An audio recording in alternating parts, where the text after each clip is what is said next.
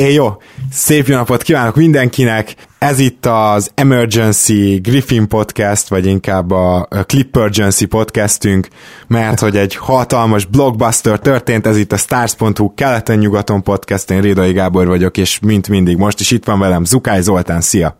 Szia Gábor, nagyon örülök, hogy itt lehetek. Ezt így elárulhatjuk most így a a felvétel gomb megnyomás előtt elég érdekes témáról beszélgettünk hirtelen, hogy kit vinnénk magunkkal egy lakatlan szigetre, hogyha mondjuk ilyen 10 vagy 20 embert vihetnél csak magaddal, milyen képességekre lenne szükség. Hát az egyik ilyen ember lehet, hogy akkor Jerry West lenne, mert most elég elég ügyes dolgokat csinált mostanában.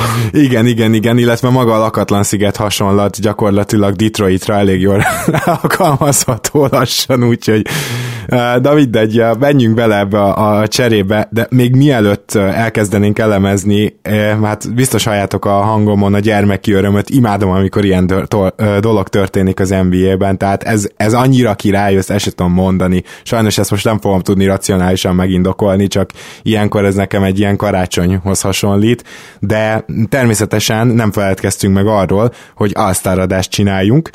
Ebben az ügyben, ami nagyjából váraton csütörtökön jut el hozzátok ez az adás, ebben az ügyben majd Pándi Gergő telefonszervizét kell zaklatni, mert hogy azért csúszik ez a beígért adás, és ha már így alakult, hogy ez csütörtökön lesz, szerdán kaptok egy kis Féderer podcastet, remélem, hogy az is tetszeni fog. Azt is már felvettük, úgyhogy ez már megvan, de akkor most menjünk rá a mai fő témánkra, amely pedig egy, hát egy olyan csere, amit hat napja beszélnek, de csak, tehát semmi nem került ki, mindösszesen tegnap, úgy éjfél környékén bedobták páran, köztük már Wojnarowski is nagyon gyorsan átvette, hogy hát igen, így, így beszélgetnek azok a csapatok egy Griffin cseréről. És 10 perccel később meg megvolt a deal. Szóval azért ez egy meglehetősen ritka dolog, nem Zoli? Nem tudom, hogy mikor emlékszel utoljára ilyenre, amikor ennyire titokban tudták tartani a beszélgetéseket. Igen, ügyesek voltak, azért feltételezhetjük azt, hogy már korábban néhány nappal ezelőtt elkezdtek beszélgetni, mert bár ez egy nagyon érdekes csere, azért nem az a típusú csere, ahol mindkét GM valószínűleg felkiáltott, hogy heuréka és azonnal egymás kezébe csaptak. Azért itt valószínűleg kellett előzetes egyeztetés, és akár egy kis erőfitoktatás is, illetve ajánlatok és kontraajánlatok is. Ebben szerintem. én is teljesen biztos vagyok, igen. Tuti, hogy ez történt. Ezt a hat napot egyébként nem csak az ujjamból szoptam ki, hanem most meg megmondom pontosan, azt hiszem a Dangdomba említette Hát talán négy Duncan vagy Danilo, de ez mindegy. Szóval, hogy ő nekik valahonnan megvolt az az info, és, és hát igen, tehát az a hat nap azért az alátámasztja azt, amit most mondtál. Nézzük meg csak szárazon a cserét.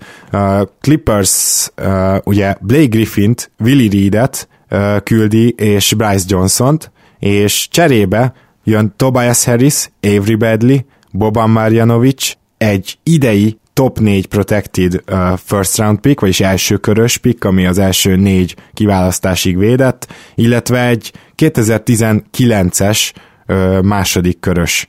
Úgyhogy azért, hogyha csak így végig soroljuk, akkor azt láthatjuk, hogy technikailag Blake Griffinért egy halom eszet érkezett. Mert hogy bár bevallom őszintén, hogy kedvelem Willy Reedet, és szerintem ő jobb lesz, mint Morland a cserecenternek Detroitban, de azért nem hiszem, hogy őt olyan eszetnek tekinthetjük, mint akár az első köröst, akár Tobias harris akár Bradley-t, mert hogy Bradley ráadásul igaz, hogy szar szezont fut, de azért olyan értelmezése is van a dolognak, hogy Duck Rivers alatt majd esetleg újra jó lesz, meg olyan is, hogy lejáró, de mindenképpen eszetként tekinthetünk rá. Szóval itt aztán tényleg all nyomott a Detroit, és hát mi ugye szóltunk, a pont az előző podcastünkben hallhattátok kedves hallgatók, hogy a Detroit biztos nem fog tankolni, és valamilyen cserét megpróbál majd. Hát ez hamarabb elkövetkezett, mint vártuk, és kezdjük a Detroit oldaláról. Tudnál pozitívumokat mondani a Detroit oldaláról, Zoli? Hát nyilván itt pozitívum csak az lehet, hogy azt feltételezzük, a legjobb Blake Griffin-t láthatjuk majd.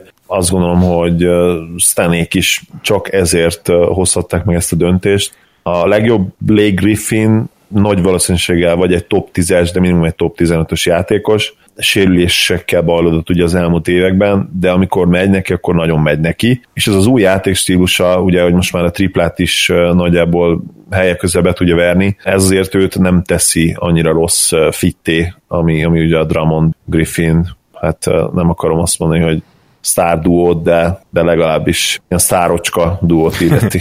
igen, igen, igen.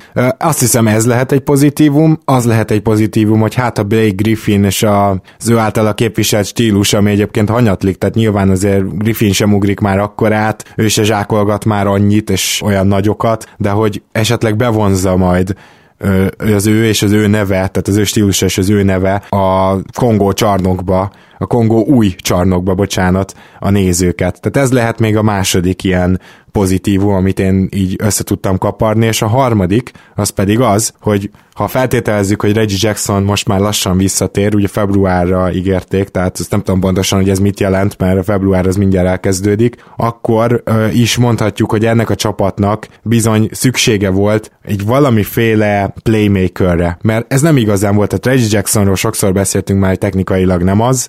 Drummond elkezdett passzolni, de azért nem az ő passing skillje fogja megváltani ezt a csapatot, és ugye Harris pedig azért inkább spot-up shooter volt, illetve hogyha mondjuk pontot kellett szerezni, akkor kiátszottak rá figurákat, hogy támadja a gyűrűt, vagy egy az egybe ment, azért ő nem az a kategória, mint mondjuk egy Batum, aki nem jobb játékos most Harrisnél, csak olyan szempontból mindenképpen más, hogy Batum akár egy pick and is el tud indítani. Tehát, hogy azért az ő labdakezelése és passzkészsége az mondjuk egy másik kategória. De ugye Harrisnek ez nem volt meg, és ilyen szempontból azért Griffin kiváló passzol, kiválóan passzoló játékos, most is 5 asszisztot átlagol, úgy, hogy azért Teodosic mellett is játszik, tehát azért tegyük hozzá, hogy most nem minden rajta megy keresztül playmaking terén, és szerintem simán az NBA legjobb 5 passzoló uh, magas emberek között van Griffin, úgyhogy ilyen szempontból legalább mondhatjuk azt, hogy kicsit illik oda, illetve kellett is egy ilyen fajta játékos a Detroitnak. Igen, fontos, amit mondtál, fontosnak találom, amit mondtál, hogy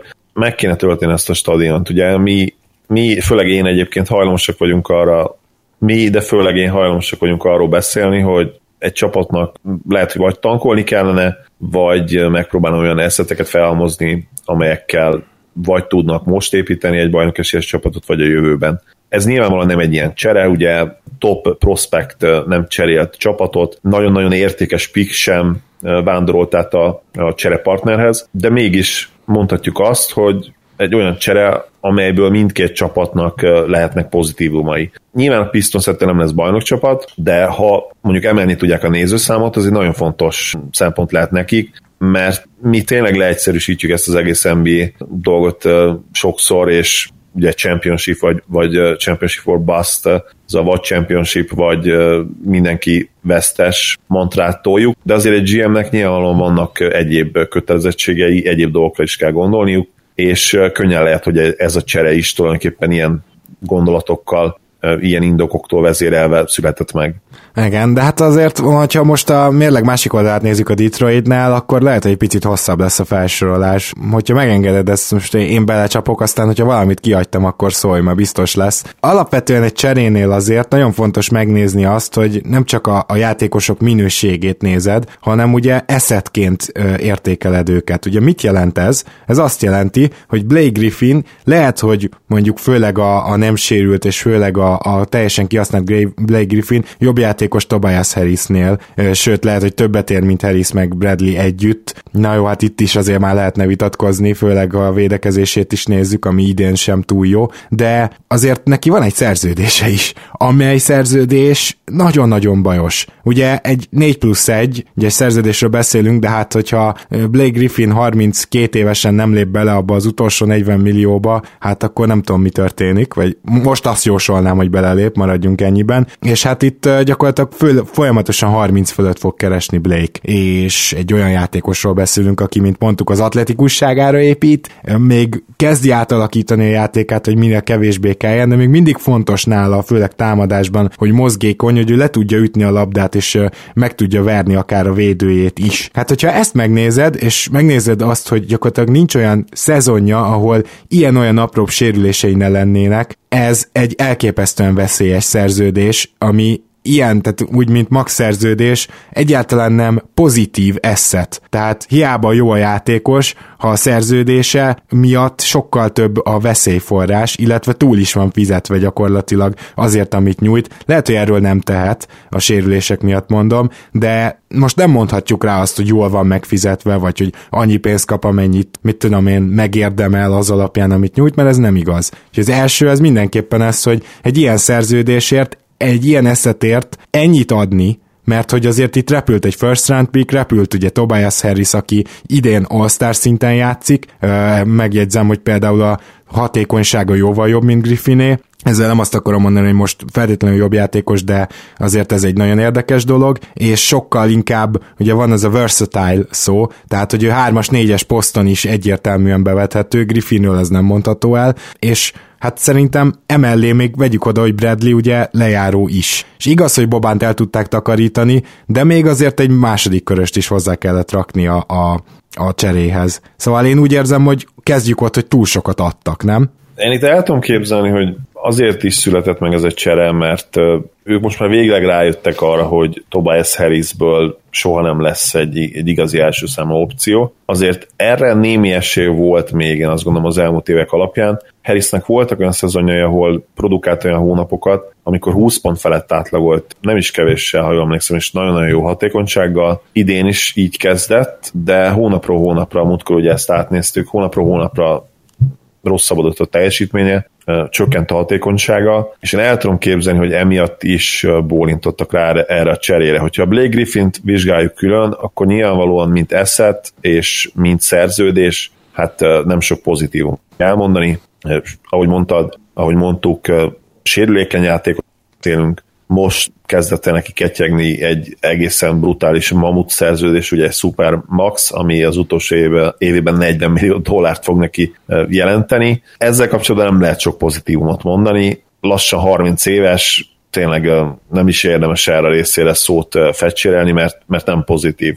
Ugyanakkor, amit ugye beszéltünk az előbb is, hogyha a Pistonsnál az volt a cél, hogy oda ültessék a, a nézők a csarnokba, akkor lehet, hogy ez egy lesz, és ha Griffin egészséges marad, akkor azt is el tudom képzelni, hogy, hogy javulni fog ez a Pistons a következő hetekben, mert legyünk őszinték, mostanában borzasztó formában vannak, 1-9 az utolsó 10 mérkőzésen, és itt egyébként érdemes beszélni arról is, hogy ez a pick mennyit érhet a Clippersnek, mert azt gondolom, hogy ez egy egészen jó pick is lehet akár. Bizony. Tehát ha, ha mondjuk most Griffin ne adj Isten elkezdett sérüléssel bajlód, akkor ugye ott vannak, hogy a új nagy duóból az egyik játékos már is kidőlt, és a teljes mélysége eltűnt gyakorlatilag a, a csapatnak. Ugye Kenard vállaira nyilvánvalóan nagyobb tereket fognak rárakni. Én azt gondolom, hogy elbírja, nagyon tehetséges, nagyon-nagyon hatékony, kiegyensúlyozott a hatékony ráadásul az egész szezonban. Én nem lepődnék meg, hogyha ő innentől kezdve ilyen 14-15 pontot tudna átlagolni olyan 60% körüli TS-sel. Igazából Reggie Bullock sem rossz egyébként, tehát hogyha megnézed, akkor ő meg nagyon veri a triplákat, és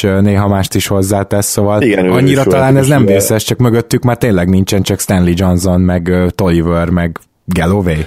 Igen, tehát, és a probléma ugye az, hogy bár nem játszott jól Bradley, tegyük hozzá, és ugye ő is sérülékeny volt ebben a szezonban, azért, ha valamitől vártott a Pistons felemelkedést, formajavulást, akkor az nyilvánvalóan például ő volt. Ugye mostanában tért vissza, hogyha a formája javuló tendenciát mutatott volna, az győzelmekben is megjelent volna. Úgyhogy ez most egy kockázat náluk, és hogyha lassan most már nyilván rákanyarodunk a, a Clippersre is, az ő oldalukról azt gondolom, hogy sokkal több pozitívot fogunk találni, és ez lesz az egyik, hogy a, a Pistons nem garantált most egy ilyen forma javulásra, és simán benne van, hogy az a pick, ha top 5-ös nyilvánvalóan nem is lesz, eleve ugye 1-től 4-ig védett, ötödik, hatodik pick sem lesz, de egy 8-9 tizedik akár benne lehet. Benne lehet a pakliban, igen, akkor mielőtt a Clippers rátérnénk, nagyon gyorsan felsorolnám még azt a három szempontot, ami miatt szerintem rossz a Detroitnak ez a csere. Az egyiket ugye érintetted, hogy gyakorlatilag kiürültek, a, főleg a wing pozíciókban.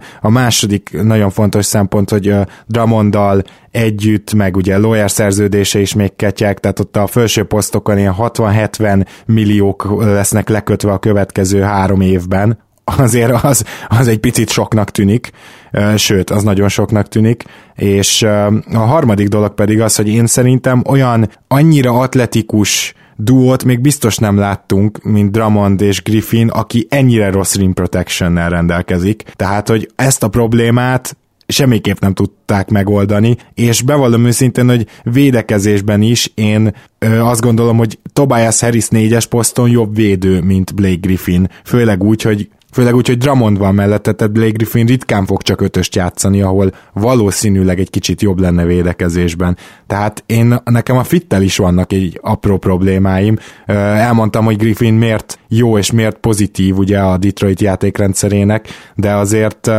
védekezésben én itt nem vagyok meggyőzve, na. És akkor nem tudom, van-e bármi hozzáfűzni való ehhez esetleg? Annyi, hogy egyetértek ezekkel a gondolatokkal, védekezésben én sem gondolom azt, hogy ők túl jó fitek lennének. Talán az, hogy váltani, ugye mind a kettő viszonylag gyorslábú magas ember, a váltásokkal nem lesz gond. Igen, ahogy mondtad, a, a gyűrű levédése az egyiküknek sem az erőssége. Bár Drummondnak ugye voltak jó periódusai, mert dobásblokkolást illeti. A probléma ugye az, hogy, hogy ő is inkább dobásblokkoló, mint, mint igazán jó palánk alatti védő, hasonlóan ugye Carl Anthony Townshoz. Így van, és még dobásbokkolnak sem elit, tehát hogy legalább ugye azt elmondhatnánk, mint amit Whiteside-ról el szoktunk mondani, de még az sincs. Jó, hát akkor nézzük még viszont a Clippers oldalát, ahol Jerry West szerintem így megnyalhatja az öt ujját, vagy a tizet, vagy nem is tudom, talán a húszat is, mert hogy ugye úgy kaptak egy pikket, hogy az eddig sérül, néha sérült Griffin helyére azért egy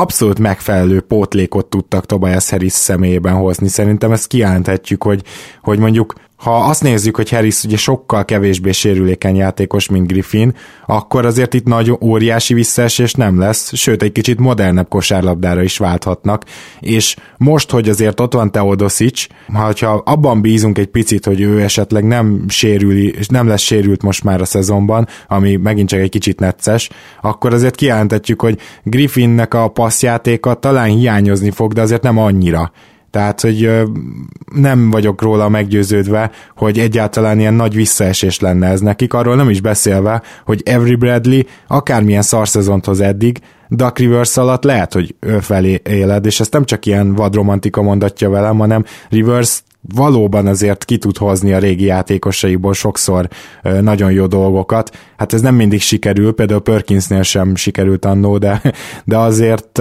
de azért ebbe is lehet bízni. Tehát maga a kapott érték szerintem minden tekintetben hasznos. Igen, Perkins ugye már nem volt a, a régi, ahogy mondani szokták így az NBA berkein belül, ugye az már inkább az ő két lábon járó teteme volt. Igen. Akit ugye... Akartam mondani, hogy hattyú dala, de hát ez Perkinsnél azért elég nagy képzavar lenne. Igen, az, az elég eh, fura hattyú lenne. Még Jerry Westre visszatérve azért én azért meglepődnék, hogyha így pár héttel 80. szülinapja előtt így a lábát oda tudná húzni a fejéhez, úgyhogy 10, 10 körmét tudja maximum, 10 ujját tudja megnyolni. Egyébként megint egyet kell, hogy értsek szinte mindennel, amit mondtál a, a Clippersnél a, itt az a jó, hogy ha ők nagyon akarják a playoffot idén, még akár az is meg lehet, én sem vagyok abban biztos, hogy sokkal rosszabbak lesznek Blake nélkül. Harris nagyon jó fit, ugye nagyon sokat tud abból pótolni, amit Gallo jelen pillanatban nem tud, nem csak a sérülés, hanem ugye a pocsék idei formája miatt is. És ha esetleg visszatérne az olasz, és jó teljesítményt tud nyújtani, mondjuk a alapszakasz utolsó két hónapjában, akkor ők simán uh, tudnak együtt játszani ugye Harris-szel. Igen, sőt, akár, sőt. Akár váltogathatják is egymást. Igen, azt akarom mondani, hogy ez egy egészen modern uh, NBA csapat benyomását kelteni abszolút a, a Harris Gallinari kettős, és uh, mind a kettő olyan, hogy nem csak poszton tudnának vált, váltogatni, hanem ugye védekezésben is azért ez egy eléggé switchable dolog lenne. Bradley forma javulása még azért is történt meg szerintem, mert sokkal jobb spot-up helyzetekben meg fogja ő tudni találni Teodosic. Sem Smith, sem pedig Jackson, ugye a kezdőirányító nem feltétlenül arról híres, hogy, hogy annyira jó szemük van, és, és megtalálják a felkonyarodó shootereket. Teodosic ebben én azt gondolom sokkal jobb, úgyhogy én is simán el tudom képzelni azt, hogy, hogy a Clippers még akár egy picivel jobb is lehet az alapszakaszban, és nyilván ami ugye lényeges, és erről fogunk még nyilvánvalóan beszélni, hogy ez most lehető, lehetővé teszi számukra, hogy gyakorlatilag teljesen robbantsanak a nyáron, és belekezdjenek egy olyan újjáépítésbe, amit hát mi már mondunk egy ideje, hogy, hogy lehet, hogy el kellene kezdeni. Igen, na most az is kérdés, hogy akkor ez most egy újjáépítés és robbantás, vagy ugye ritul, tehát ugye két hírt szeretnék itt megosztani, biztos már sokan kedves hallgatók ti is olvastátok, de ugye az egyik az az volt, hogy szeretné a Clippers elcserélni DeAndre-t is, és Lou Williams-et is, ugye mind a kettő lejár, tehát meg kéne őket fizetni, ami most nem biztos, hogy túl jó, és értők is, is szeretnének fiatalabb ö, tehetséget kapni, mondjuk Harrisre ez félig meddig ugye ráhúzható, illetve Picket, és a másik, ezzel párhuzamos hír az, hogy ezt egyáltalán nem tankoló move gondolják, hanem szeretnének relevánsak maradni.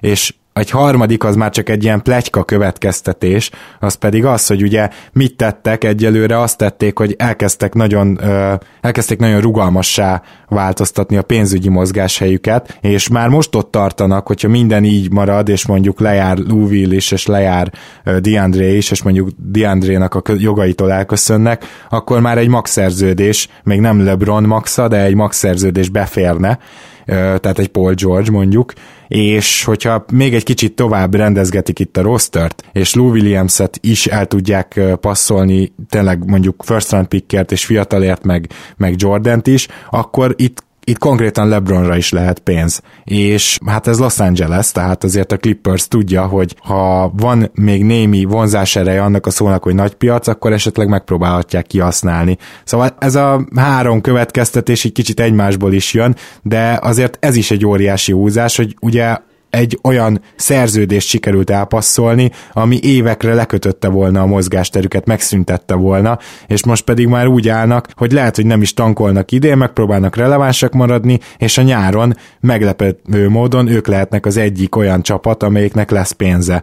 És azért azt is nézzük meg, hogy itt majd a, nem tudom én, Orlandóval, a Dallasszal, meg a, meg a Chicagóval kell versenyezni, és hát akkor lehet, hogy a Los Angeles-i csapat, hogyha releváns tud maradni, akkor a sztárok azt meg fogják fontolni, hogy oda menjenek. Benne van a pakliba, ugye három opciót vázoltál fel ABC verziókat, ugye az első volt a, a teljes tankolás, a B volt az, hogy relevánsak akarunk maradni, és a C volt az, hogy megpróbáljuk LeBront vagy akár egy másik nagy nevet idehozni. Azt gondolom, egyetértünk abban, hogy, hogy a B verzió az, az borzasztó lenne, és akkor át is kellene értékelnünk ezt a cserét, hogy, hogy mennyire nyerte meg ezt a Clippers, mert hogyha az a céljuk, hogy hogy relevánsak maradjanak, akár úgy is, hogyha ez, ez egy ilyen újabb treadmill csapat, akkor az nagyon rossz döntés, én azt gondolom. Viszont, hogyha az A verziót szeretnék, ami ugye a teljes tankolás, az is egy nagyon jó megoldásnak tűnik, illetve összeköthetnék a C verziót az A-val, előbb megpróbáljuk LeBron vagy egy másik nagy nevet, aki akár contendert csinálhat belőlünk, és hogyha megszerezzük ezt a nagy nevet, akkor ugye egyből lesz értelme akár Harrisnek is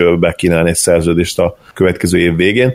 Szóval ez még egy jó, jó megoldás lehet, de, de azt gondolom, hogy a B-t azt, azt te is kilőnéd. Igen, bár ugye tényleg ezt mondjuk lenyilatkozták, hogy szeretnének relevánsak maradni, de lehet tudod, ez csak egy ilyen marketing nyilatkozat, tehát azért uh, nyilván hát, a, a, a, a franchise nem fogja azt mondani. Igen. igen. A Clippers nevében reméljük, mert uh, igen. A, a relevánsnak maradni mantra az szerintem az egyik legveszélyesebb az NBA-ben, és uh, a nagyon, nagyon rossz hatásai lehetnek egy csapatra nézve. Meg még egy hmm. dolog, hogy mondjuk pikkeket gyűjteni, az két dolog miatt jó, és pont, pont ahogy te mondtad, a C meg az A egyszerre teljesülhet. Hát csak azt szeretném itt jelezni, hogyha mondjuk kapnak egy elsőkörös Lou Williamsért is, és az, az, az mondjuk úgy, hogy visszafele nem jön jó játékos, csak mondjuk lejáró, azzal tényleg visszaesik a Clippers is, és ha még DeAndre Jordan is kapnak egy plikket, akkor elmondhatjuk, hogy ennek a Clippersnek először is ők is valószínűleg a top bottom 10-be bejönnek, az biztos, aztán lesz még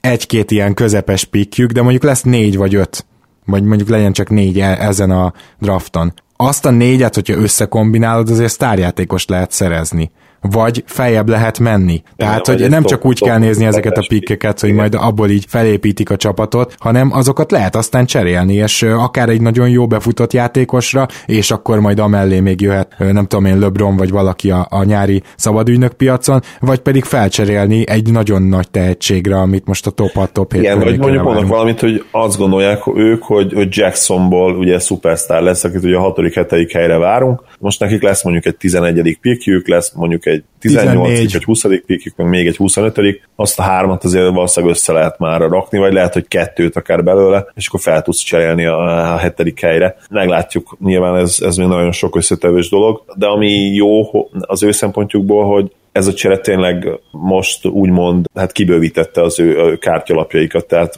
ha eddig mondjuk volt, nem tudom, öt kártyalap a kezükbe, akkor most már kaptak ilyen három-négy eh, lapot hozzá, hogy össze tudjanak tenni egy, egy ilyen elég jó kezet a végére, aztán meglátjuk, hogy mire mennek vele. Pontosan. Na hát szerintem én próbáljuk meg értékelni, hát ha ez valahogy meg tudjuk fogni, mert nagyon érdekes volt ma hallgatni a Dangdon basketballt, ahol Danny Leroux konkrétan odáig ment, hogy F-et adott a Detroitnak, és A-t a Clippersnek, tehát ez ugye a, a magyarra lefordítva egyest a Detroitnak, és ötöst a Clippersnek.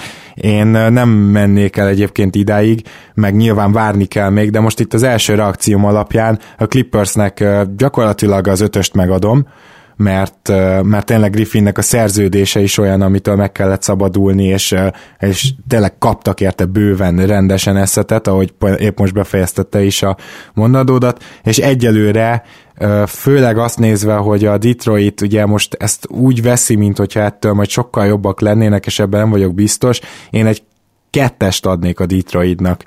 Te hogy vagy ezzel? Szerintem ismételni fogok megint uh, ugyanezek a osztályzatok szimpatikusak számomra is. Az első ilyen overreaction a, a cserére az volt, hogy mind a kettő, ugye utáltam mind a kettőnek, mert ugye a Clippers nem lesz elég rossz, de Cibogdani felvilágosított uh, arról a tényre, hogy, hogy a szerződések bizony nem rosszak, mert rövidek, és uh, lehetővé teszi a Clippers számára, hogy robbantson teljesen a nyáron ugyanakkor meg ugye megszabadult a Griffin szerződésétől is, ráadásul ugye pikeket is kaptak, úgyhogy ez, ezen faktorokat összegezve nekem is így, így második végiggondolásra ötöst kell adnom nekik. A Pistonsnak pedig nem nagyon lehet jobbat adni, mint mondjuk egy hármas. Végül is akkor én adok egy hármast azért, mert ha már kockáztatni kell, akkor egy olyan tehetséggel, mint Blake Griffin, akinek azért a talentuma megkérdőjelezhetetlen, ha már kockáztatott kell, akkor egy ilyen játékossal kockáztas. Oké, okay, akkor nagyon kíváncsi leszek, hogy majd mondjuk egy év múlva ugyanilyenkor, hogyha podcastelünk, akkor hogy nézünk majd vissza erre a cserére, mert azért a, például a nyári Irving Thomas cserénél igaz, hogy nem tudtuk, hogy Thomas milyen állapotban van, de azért sokkal másabb most már a megítélése, azt kell, hogy mondjam, mint ami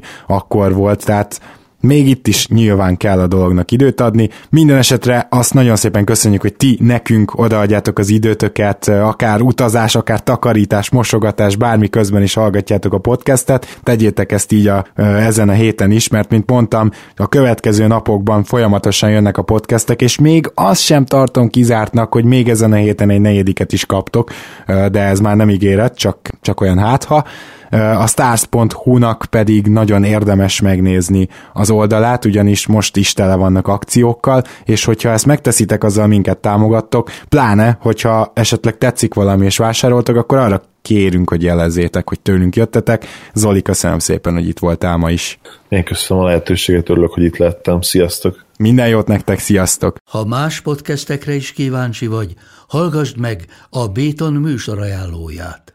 El tudod képzelni, hogy a podcastet, amit éppen most hallgattál, fél év múlva már a mesterséges intelligencia generálja? Mi sem. De ha érdekel, eljötte már a gépek lázadása. Hallgass bele az Embertelen podcastbe. Orsós Lajos vagyok, a műsor házigazdája. Egyelőre még élőben. Egyelőre. Fedezzük fel együtt, hogyan ismerkedik, randizik, mesél és vitatkozik Betty és Péter, két teljesen mesterséges intelligencia. Lajos, a podcast címét mond még egyszer, Léci. Oké. Okay. Embertelen podcast. Ez a műsor a Béton közösség tagja.